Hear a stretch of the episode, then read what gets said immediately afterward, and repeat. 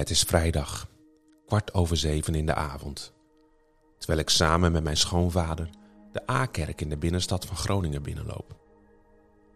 We worden heel hartelijk welkom geheten door de dienstdoende gastheer en gastvrouw en vervolgen onze weg naar het koor. Wat een indrukwekkende ruimte die de rijke historie van dit gebouw aan alle kanten vertelt. Ik speel een beetje met de akoestiek door klanken te maken met mijn stem en geluiden te produceren met mijn handen. Gewoon om te kijken wat er gebeurt. Super mooi hoe zulke gebouwen resoneren en hoe melodieën samenkomen door de lange tijd die de geluidsgolven blijven weerkaatsen. Vanavond komen we hier samen tijdens onze team nights van de bediening aanbidding en diensten.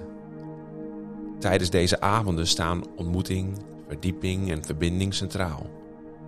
We vinden het namelijk zo belangrijk dat we elkaars harten mogen leren kennen, buiten de vaak taakgerichte uitvoering van onze bedieningen en samenwerking. Keer op keer zijn deze avonden ontzettend waardevol, waarin we steeds weer onder de indruk mogen zijn van hoe God werkt en aanwezig is in onze levens. Ook zijn het mooie avonden waarin we er voor elkaar mogen zijn. Sommigen van ons staan misschien wat vaker in de spotlight, bijvoorbeeld op het podium. Maar dat neemt nog niet weg dat we allemaal mensen zijn en daarbij ieder van ons ook een eigen leed heeft in het leven. Niets is mooier dan te weten dat je niet alleen bent en dat er meerdere schouders zijn die de last met je willen dragen.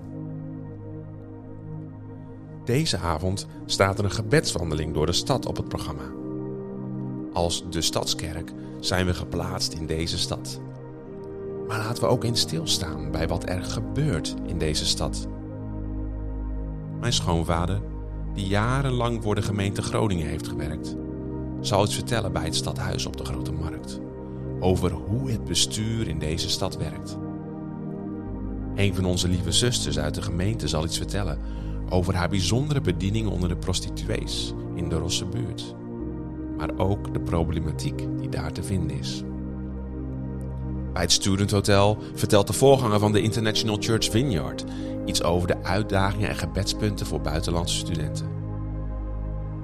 De groepjes komen ook nog langs andere belangrijke plekken in de stad.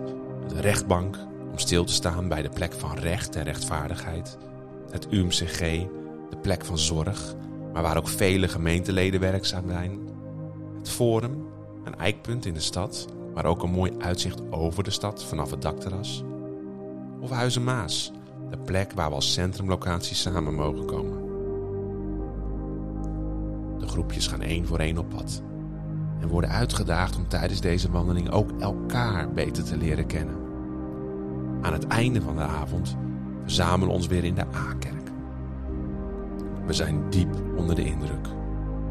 Samen op pad, stilstaan bij de diverse plekken luisteren en leren over het rijden en zeilen in de stad.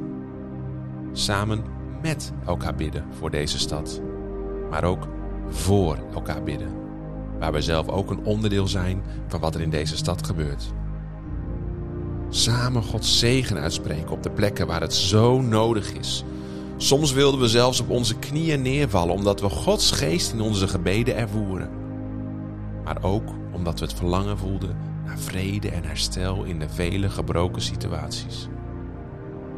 We zijn geraakt door onze ervaringen tijdens deze gebedswandeling en door het vele leed, eenzaamheid, onrecht en armoede die onze stad kent. We praten er nog lang over.